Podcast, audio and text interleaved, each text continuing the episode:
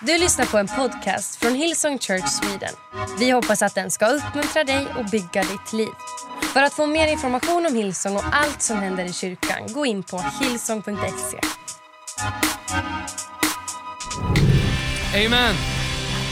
Amen. Varsågoda och sitt ner en liten stund. Varmt välkomna till alla som är med online, om du är med på något annat campus. Eh, det är fantastiskt roligt att få vara här i norra idag. Eh, och, eh, eh, Rickard heter jag, campuspastor i eh, vårt Göteborgs campus. Eh, det är nästan som att det är ett kvällsmöte. Jag gick upp 04.00 i morse. Eh, så eh, det, jag är i kvällsmötesmode.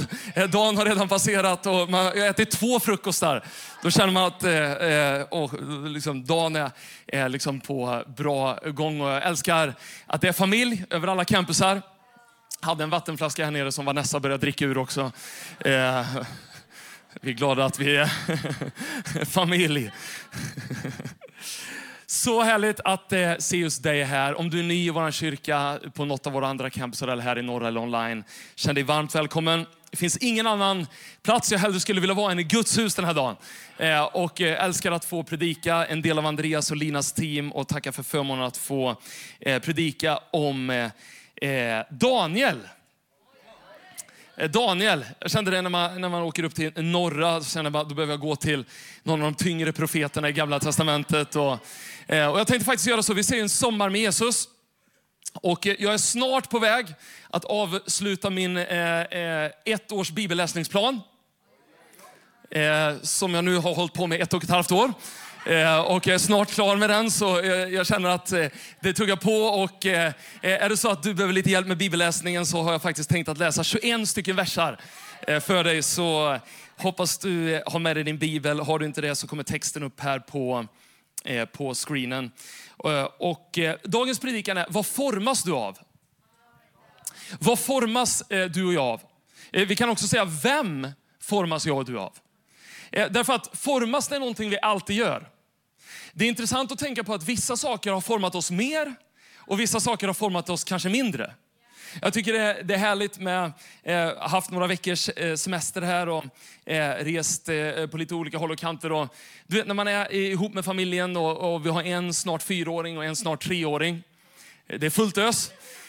Och jag märker när, när min fru Rebecka, när hon, när hon eh, inte blir arg, för det blir hon ju aldrig.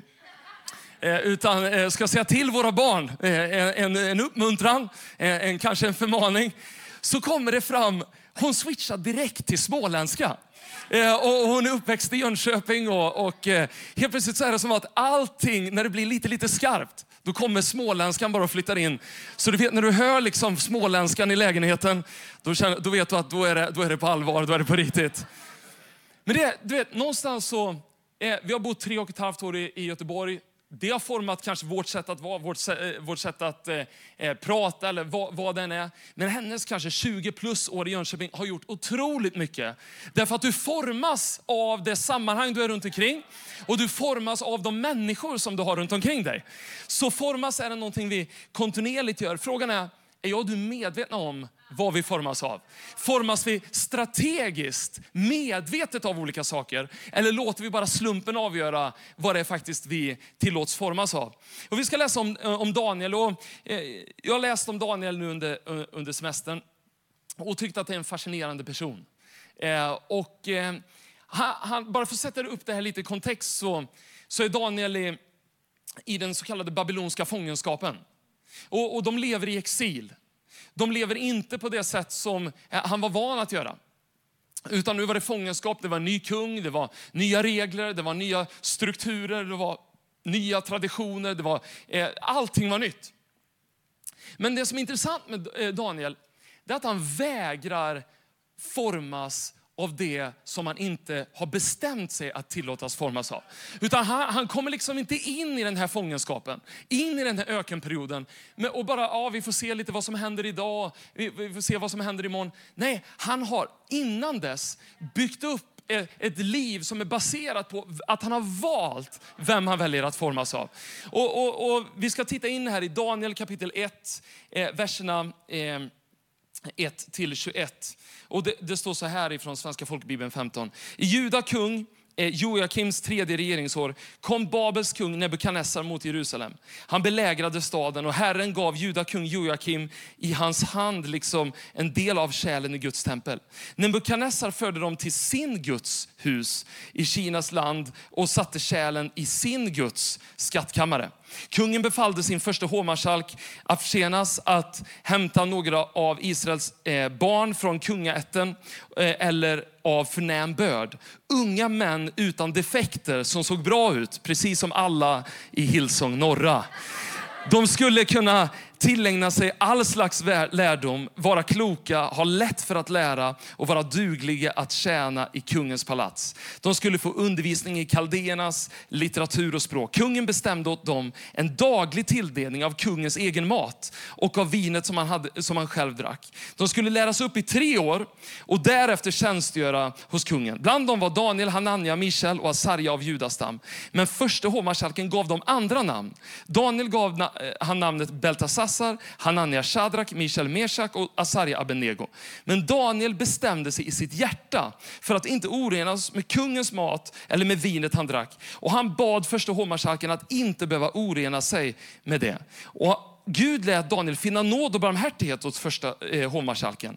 Men han eh, sa det till Daniel, jag är rädd att min herre kungen som har bestämt vad vi ska äta och dricka ska finna att ni är magrare än era jämnåriga bland de unga männen. Då drar ni skuld över mig inför kungen. Då sa Daniel till hovmästaren eh, som, eh, eh, hovmästaren som första hovmarskalken satt över Daniel, Hanania, Mishael och Azaria. Gör ett försök med dina tjänare i tio dagar. Låt oss få äta grönsaker och dricka vatten. Tuff diet. Eh, ehm, eh, och eh, vatten. Jämför oss sen med de unga männen som har ätit av kungens mat. Gör med dina tjänare efter vad du anser. Han lyssnade till deras begäran och gjorde ett försök med dem i tio dagar. Efter de tio dagarna visade det sig att de såg bättre ut och var mer välnärda än alla de unga män som åt av kungens mat. Då tog hovmästaren bort maten och skulle ha eh, fått eh, eh, maten de skulle ha fått och vinet de skulle ha druckit och gav dem grönsaker istället. Och dessa fyra unga män gav Gud kunskap och insikt i all slags skrift och vishet. Och Daniel förstod alla slags syner och drömmar. När tiden var inne då kungen bestämt att det skulle hämtas fördes det av första hovmarskalken inför Nebukadnessar. Kungen talade till dem och det fanns ingen bland dem som eh, bland dem alla som kunde jämföras med Daniel, Hanania, Mishael och Asarja. De fick därför tjänstgöra hos kungen. Han fann att det var i allt som krävde vishet och förstånd var tio gånger klokare än alla de spåmän och besvärjare som fanns i hela hans rike. Och Daniel blev kvar där ända till kung Kores första regeringsår. Så här har vi Daniel som är, är, kommer inför kungen och det verkar som att det finns en standard hos Daniel eh, som eh, nästan är förvånansvärd. Där folk nästan liksom eh, hajar till av att den här personen, han bär på någonting som sticker ut. Du vet, när jag var, när jag var ung då hade jag ett mål. Det var att vara så pass milt kristen så att jag fortfarande var som alla andra. Jag, fick en kommentar från några vänner som sa, Rickard det är så härligt med dig. Du är, som, du är kristen, men du är som alla andra. Eh, det tog ett tag innan jag förstod att det var, inte, det var ingen komplimang. Utan det är kanske bland det värsta man kan säga eh, till mig. Den Gud som gav sin enfödde son för min skull. Jag levde en liten slentrianaktig efterföljelse av honom medan jag höll på med allt andra som tillhörde mitt gamla liv och tänkte att det var that's it. Men du vet, det livet är inte det liv som Gud har för mig och dig. Han har ett bättre liv för mig och dig. Daniel han hade bestämt sig för att hålla en annan standard. Eh, en standard som inte kom utifrån krav utifrån utan kom från ett levande liv inifrån. Så eh, jag ska prata om några saker som eh, jag har tänkt på kring den här texten. Och det första är, behåll ditt namn. Behåll ditt namn. Det är intressant att du, namn gör någonting. Eller hur? Det finns, det finns betydelse med namn. Jag vet inte om du själv eh, eh vet vad ditt namn betyder. Kanske vet du det. Eh, kanske önskar du att du inte visste det. jag, jag har ingen aning hur du förhåller dig till ditt namn. Eh, jag, jag har, liksom, har någon neutral inställning till mitt namn liksom, genom hela... Rickard? Ja. Två plus, godkänt. Liksom, bra, mina föräldrar de gjorde så gott de kunde. Eh, men du vet, i den här texten så kommer Daniel till en miljö där de försökte få dem att anamma andra namn. Med andra betydelser. Och eh, bara så du, vi kanske inte tänker att det är en så stor deal, men de här namnen som de hade när de gick in i fångenskapen, det var Daniel, han, det betyder Gud min domare. Hananja betyder Herren är barmhärtig. Mishael betyder Vem är som vår Gud? Och Asarja betyder Herren hjälper. Så det var inte så att de bara, ah, vi heter någonting och vi får se. Utan de kom in med fem plus namn. Det var liksom, föräldrarna hade gjort ett bra jobb till de här fyra. Och de kom in med, det var, det var laddat med betydelse. Så fort de tänkte på sina namn så förstod de att Gud är min domare. Gud är min hjälpare. Han är min försörjare. Han är trofast. Och så försökte de lägga på andra namn på de här eh, unga killarna. Jag läste en bibelkommentar från Matthew Henry som, som skriver så här. Daniel was still firm to his religion. They had changed his name, but they could not change his nature. Så att det fanns någonting de försökte ändra för att han skulle bli något han inte var kallad till att bli. Men Daniel han, var, han stod fast i sin inre övertygelse. Det var någonting av mötet med Gud som inte bara hade med namnet att göra, utan som hade rört om hela hans inre människa. Så han hade byggt vanor, han hade eh, gett sitt liv till det. Det var inget han gjorde bara på fritiden, utan han följde Gud med allt han hade, med allt han gjorde i livets alla olika omständigheter. Men du vet, det står sen att de skulle få undervisning i kaldéernas litteratur och språk. Jag vet inte hur det är med dig, men jag var otroligt svag på språk och jag var otroligt svag på svenska. Det är liksom undervisning av de två tråkigaste ämnena man någonsin kan ha. Det skulle, jo, det är, så är det. Det står här i Guds ord. Skämt åsido, är du bra på språk, tacka Gud för det. Men jag tyckte det var så otroligt tråkigt. Då. Du vet, de skulle indoktrineras. Att bli precis som alla andra runt omkring dem. Det var det som var planen med att de skulle byta namn. Det var det som var planen med att de skulle eh, få undervisning i litteratur, kultur och språk. Men du vet, det är något med Daniel. Där han vägrar böja sig inför det som är runt om honom. Det är som att det som är på hans insida kan inte böjas för det som kommer emot honom. För det som kommer runt honom. För det som läggs över honom. För de förväntningar som kommer ifrån alla möjliga olika sätt och, och, och kanter. Han var böjd under Guds ord. Han var böjd under Guds röst. Han, och, och ibland så tänker jag, eh, om, vad, vad är det vi låter forma oss egentligen? Är vi, låter vi dagens kultur forma oss? Låter vi samtidsandan forma oss? Eh, låter vi eh, liksom de vi är runt omkring, är det det som definierar vilka vi är? Eller lever vi ett liv där vi faktiskt säger att Guds ord är över oss? Det vill säga, okej okay, det är någonting jag inte förstår. Det innebär inte per automatik att jag kliver över Guds ord. Utan det innebär att jag dyker in i Guds ord och gör allt jag kan för att förstå vad är det Gud menar, vad är det Gud vill. Så att leva ett liv där Guds ord är det som präglar, det som talar, det som guidar, det som vägleder, det som korrigerar, det som uppmuntrar, det som ger löften. Det, att leva under Guds ord. Så fråga till mig och dig, formas vi av den här samtiden? Eller formas vi av Guds ord? Det som är intressant är att kyrkan har överlevt förtryck. Kyrkan har överlevt sekularisering. Eh, kyrkan har eh, överlevt eh, eh försök till utrotning. Därför att det är människor genom allt, i allt, som har valt att leva ett liv böjt under Guds ord. Varför då?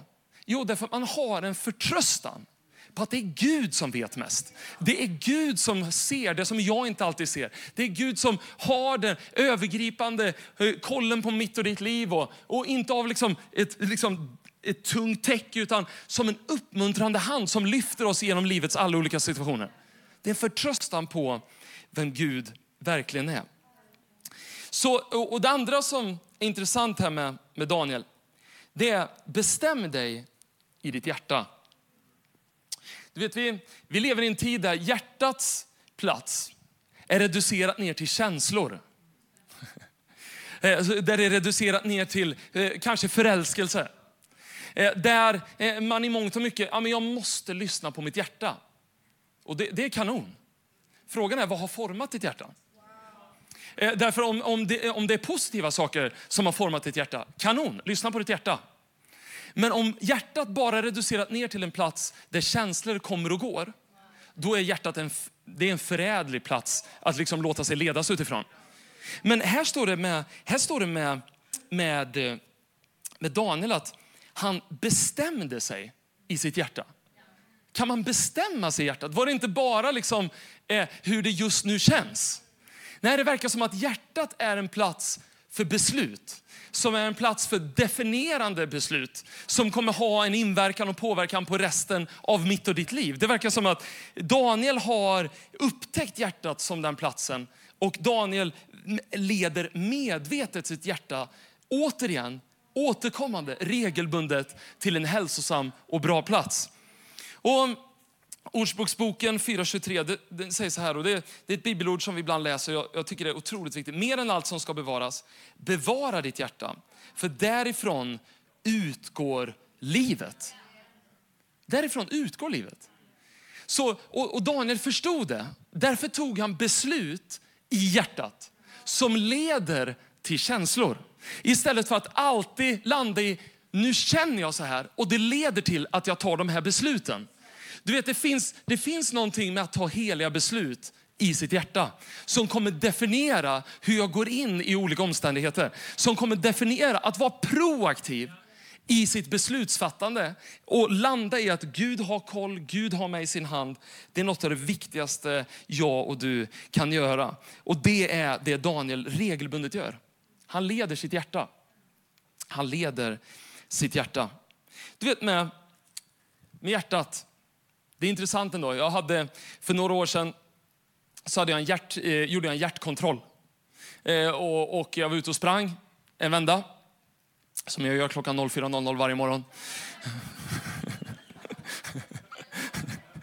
Ingen tror på det. Kan man inte störa sig lite på dem som ändå är uppe så här innan frukost 05.00 och man bara ser liksom, man, man går ut tidigt med hunden eller man går och slänger sopor tidigt och så ser man folk bara komma och springa liksom, committat, eh, liksom, övertygat. Och det finns någonting där som skaver. Men jag, jag var i alla fall ute och sprang. Och eh, så voltade, eh, voltade mitt hjärta till. Jag, det var en bland, bland de mest obehagliga känslor jag någonsin varit med om. Eh, Så jag sökte upp läkarvård då, och eh, läkaren sa det kanske läkaren inte ska säga. Det här ser absolut inte bra ut. liksom så här, bara rak faktainformation. bara pang. Eh, och jag drogs in och skulle göra någon hjärtutredning. Eh, och eh, eh det som var fascinerande var att eh, jag fick reda på sen att mitt hjärta skulle röntgas i någon så här MR mm, om ni har åkt en sån tunnel, då vet ni att ni har åkt en sån. Jag åkte in i den här MR-tunneln och så bara ser jag liksom klösmärken eh, uppe vid man förstår att det är någon innan mig där som fått lite panik där i undersökningen. Så jag bara försökte hålla mig lugn. Det där gäller inte mig. Det, jag andas. Gud bor på min insida. Jag leder mitt hjärta. Jag vet mitt namn. Herren är min trygghet. Och så åkte jag in där och eh, fick reda på att hjärtat såg alldeles för stort ut. Så det var befarad hjärtsvikt. Eh, och, och, jag googlade på hjärtsvikt. Det är inte bra. Eh, och vill du verkligen gå ner i de mörkaste av mörkaste rummen på internet så ska du inte gå ner i Flashback utan du ska gå ner i familjeliv. Eh, familjeliv, eh, eh ett forum eh, för eh, jag ska inte gå dit, men det, det, är inte positivt. Så vill du ha en negativ liksom, framtidsutsikt så gå till familjeliv och ta reda på hur din framtid ser ut. Och jag måste säga att jag fick lite, lite panik därför att det skulle krävas ganska drastiska åtgärder. Nu visade det sig här att eh, det var bra, det såg friskt ut, jag gjorde massa träningstester och sådär. Eh, och jag lider ingenting av det idag. Men det som var intressant var hur viktigt de ansåg hjärtat var. Eh, det var att de, de, de bestämde liksom att eh, ditt hjärta ska upp eh, eh, liksom till Linköping där vi har landets bästa hjärtläkare. Och då har de något sånt här national board där där de skickar in hjärtan från hela landet, eh, bildligt alltså. och eh, det liksom, de ska titta på olika mått och, liksom, eh, titta, och de har sett tusentals hjärtan. Och så ser de, är det här avvikande? Ser det för stort ut? Ser det svagt ut? Och, och så vidare. Och, och så liksom, där upp kom mitt hjärta och allt såg som tur var bra ut. Men du vet, någonting var, mitt hjärta, det var så viktigt så att det behövdes landets bästa läkare som har sett så många hjärtan som har varit hälsosamma, som har varit mindre hälsosamma. Vet du vad det säger mig? Det är att från hjärtat utgår livet. Vi kan ha problem med mycket i våra kroppar, men har vi problem med hjärtat, då har vi problem som leder till att vi har problem i hela kroppen. Så därför är det så viktigt att ta hand om sin hjärta. Absolut fysiskt, absolut mänskligt, men verkligen andligt. Lyssna på mig. Är hjärtat en plats för mig och dig? Där vi bara känner, där saker och ting kommer och går och eh, där vi liksom bara anpassar oss? Eller är hjärtat en plats för heliga beslut? Där vi väljer att ta beslut som har, eh, som har möjlighet att definiera eh, stora delar av vårt liv. Vi behöver guida, vi behöver sätta upp ett skydd runt mitt och ditt hjärta. Eh, frågan är, vad är det vi gör runt våra hjärtan som gör att vi håller den linje som Daniel håller? Det tredje, det är att du behöver inte äta samma mat som alla andra älskar med Daniel, han, han, du vet är det någonting som verkligen formar oss så är det mat. Kulturellt, men också kroppsligt. Kanske inte, eh, liksom, man, eh, jag kan säga jag har avvikit med det grövsta från mina eh, ganska tydliga rutiner under de här veckorna. De har varit lediga och det är härligt. Men du vet, har man en felaktig kost över tid så kommer det ha konsekvenser. Daniel hade bestämt sig det finns vissa saker som han inte tänkte stoppa i sin mun. Därför det, du vet någonting med, eh, du vet det finns, eh, ett, eh, det finns en studie som, jag kommer inte ihåg vad, vad den heter nu, men den handlar i alla fall om, om en studie på svenska familjer, om att när man har gäster hemma så låter man gästerna sitta och vänta i i, i rummet medan familjen äter färdigt. Man, eh, man, låter sina barn ta hem sina barn och sen bara, du kan lugnt eh, sitta här och vänta eh, i en halvtimme. Sen har familjen ätit klart och sen får ni leka igen. och det, finns, eh, det var någon internationell studie på hur udda det beteendet i Sverige är. Så de gjorde någon, någon så studie och den gick viral, den här hashtaggen. Eh, jag kommer inte exakt ihåg vad den heter. Men, men då var så här, varför gick den viral? Jo, därför att middagar maträtter, det har med så mycket, mycket mer än bara det jag och du där och då äter. Det var därför Jesus valde att äta med människor. Människor runt omkring han sa, han äter med tullindrivare och han äter med syndare. Han äter med äktenskapsförbryterskor. Han äter med människor som ingen hade ätit med. Därför att middagen var laddad med värderingar. Middagen var laddad med betydelse. Du vet, det finns någonting här att Daniel han bara, nej, nej, nej, jag kommer inte äta den mat du erbjuder mig. Jag har en annan kost. Jag har en annan kost. Och den kommer bära mig till en bättre plats än någon av er och det ni äter och det ni dricker. Han var konfident med att grönsaker och vatten,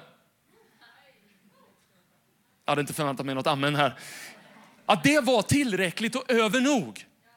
Och, och det visade sig att han var så trygg i att, var, att, det, häng, att det han avstod gjorde det mycket tydligare vad han hade sagt ja till. Du vet, ett antal nej gör ett ja tydligare.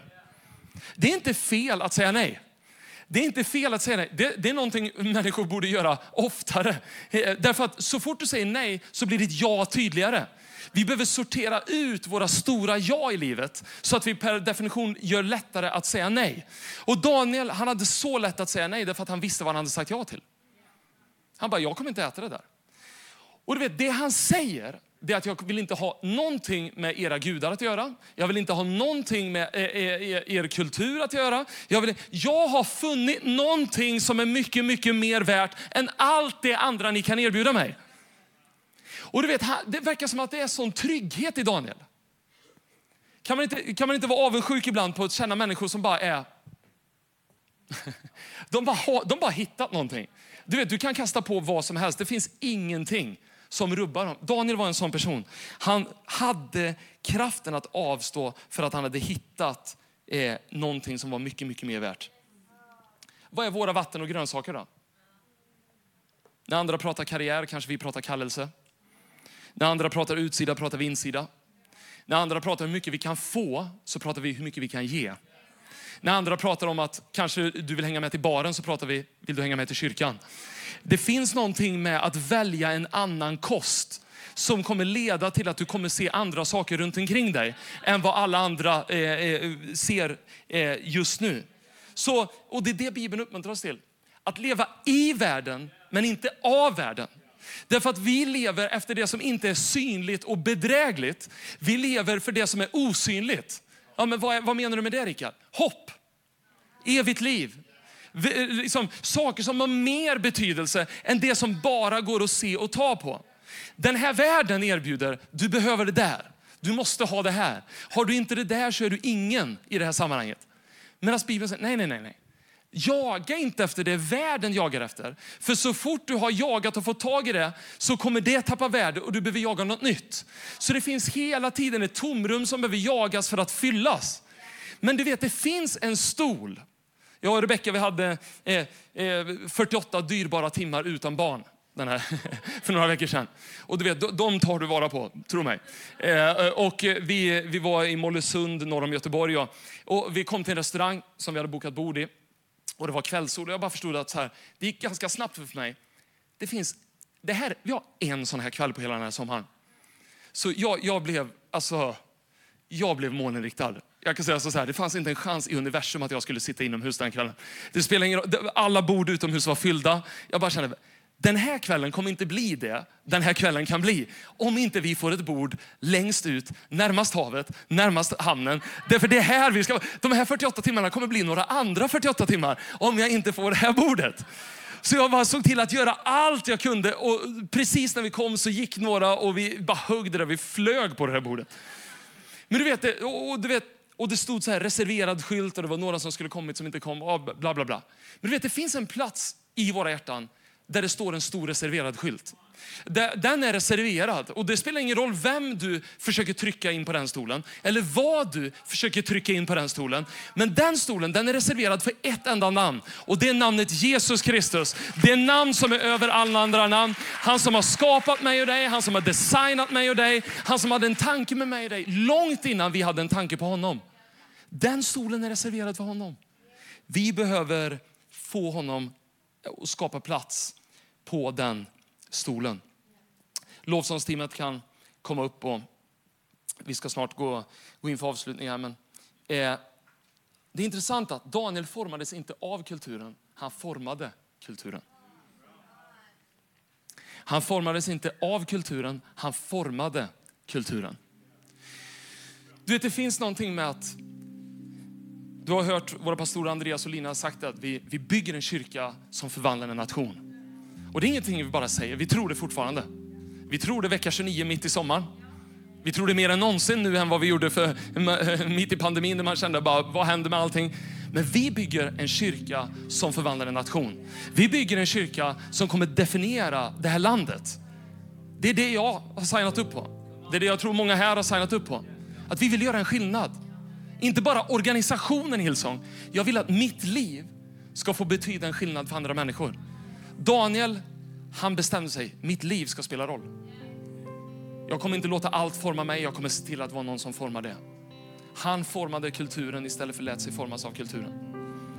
Det fjärde och näst sista, jämförelse. Jämför rätt saker. Hur ofta är det inte vi låter jämförelse forma oss? Vad vi, vilka vi är och vad vi tror på. Det står så här i, i vers 19, kungen talade med dem och det fanns ingen bland dem alla som kunde jämföras med Daniel, Hanania, Mishael och Asarja. De fick därför tjänstgöra hos kungen. Han fann att det i allt som krävde vishet och förstånd var tio gånger klokare än alla de spåmän och besvärjare som fanns i hela dess rike. Det är intressant här. Det har funnits en liten period i kapitel 1 där de har kallat för Sadrak, Mesak och Abednego Beltasassar. Men nu när kosten hade gjort det kosten hade gjort, tio dagar in i dieten, så visade det sig att det fanns inga de kunde jämföras med. Helt plötsligt så var det deras vanliga namn som var tillbaks. Det var Daniel, det var Hanania, det var Michel och det var Asarja. Det var Gud är min domare. Det var Herren är barmhärtig. Det är vem som är Gud. Det är Herren hjälper. Helt plötsligt så var det de namnen som var tillbaks därför att de hade förstått att det finns ingen av de här som har ätit vår mat eller druckit vårt vin som vi kan jämföra med de som har gått på vatten och grönsaker. Vi har gett det tio dagar, vi trodde inte att det skulle bli det resultat det skulle bli. Men vi har förstått att det är någonting med de där fyra som sticker ut. Det är någonting med de där fyra där de har hittat någonting som vi andra inte har. Så de blev anklagade, de blev, de blev liksom, eh, eh, folk blev vansinniga, folk blev avundsjuka på dem. Men de, det var de som fick tjänstgöra hos kungen och inte de andra. Du vet, det finns någonting med att äta rätt saker. Jag vet vår pastor Andreas, han har sagt en sjukt bra grej som jag ofta bär med mig. Enda gången mitt och ditt liv inte går ihop är när vi jämför det med personers liv vars liv vi inte tänkt att leva. Det är då vi tittar på, ah, jag skulle vilja ha det där, men det är inte alltid det vi har tänkt att leva, det livet. Så då jämför vi oss bort från det som Gud har kallat oss till. Istället för att låta andra få jämföra sig in i det som Gud har kallat dem till.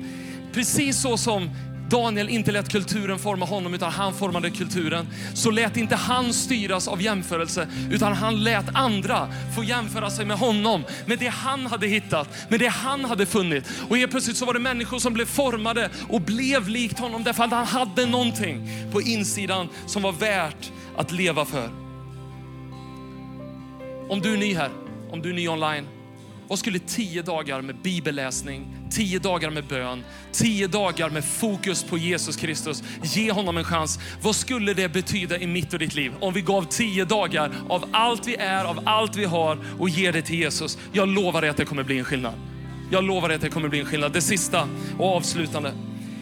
Det var att elden på insidan var starkare än elden på utsidan. Det står att eh, de här grabbarna, de kom till en punkt där alla var förväntade att böja knä inför den kung som fanns där, Nebukadnessar. Och en avgudabild som han hade låtit tillverkas. Men det var fyra stycken som vägrade böja knä.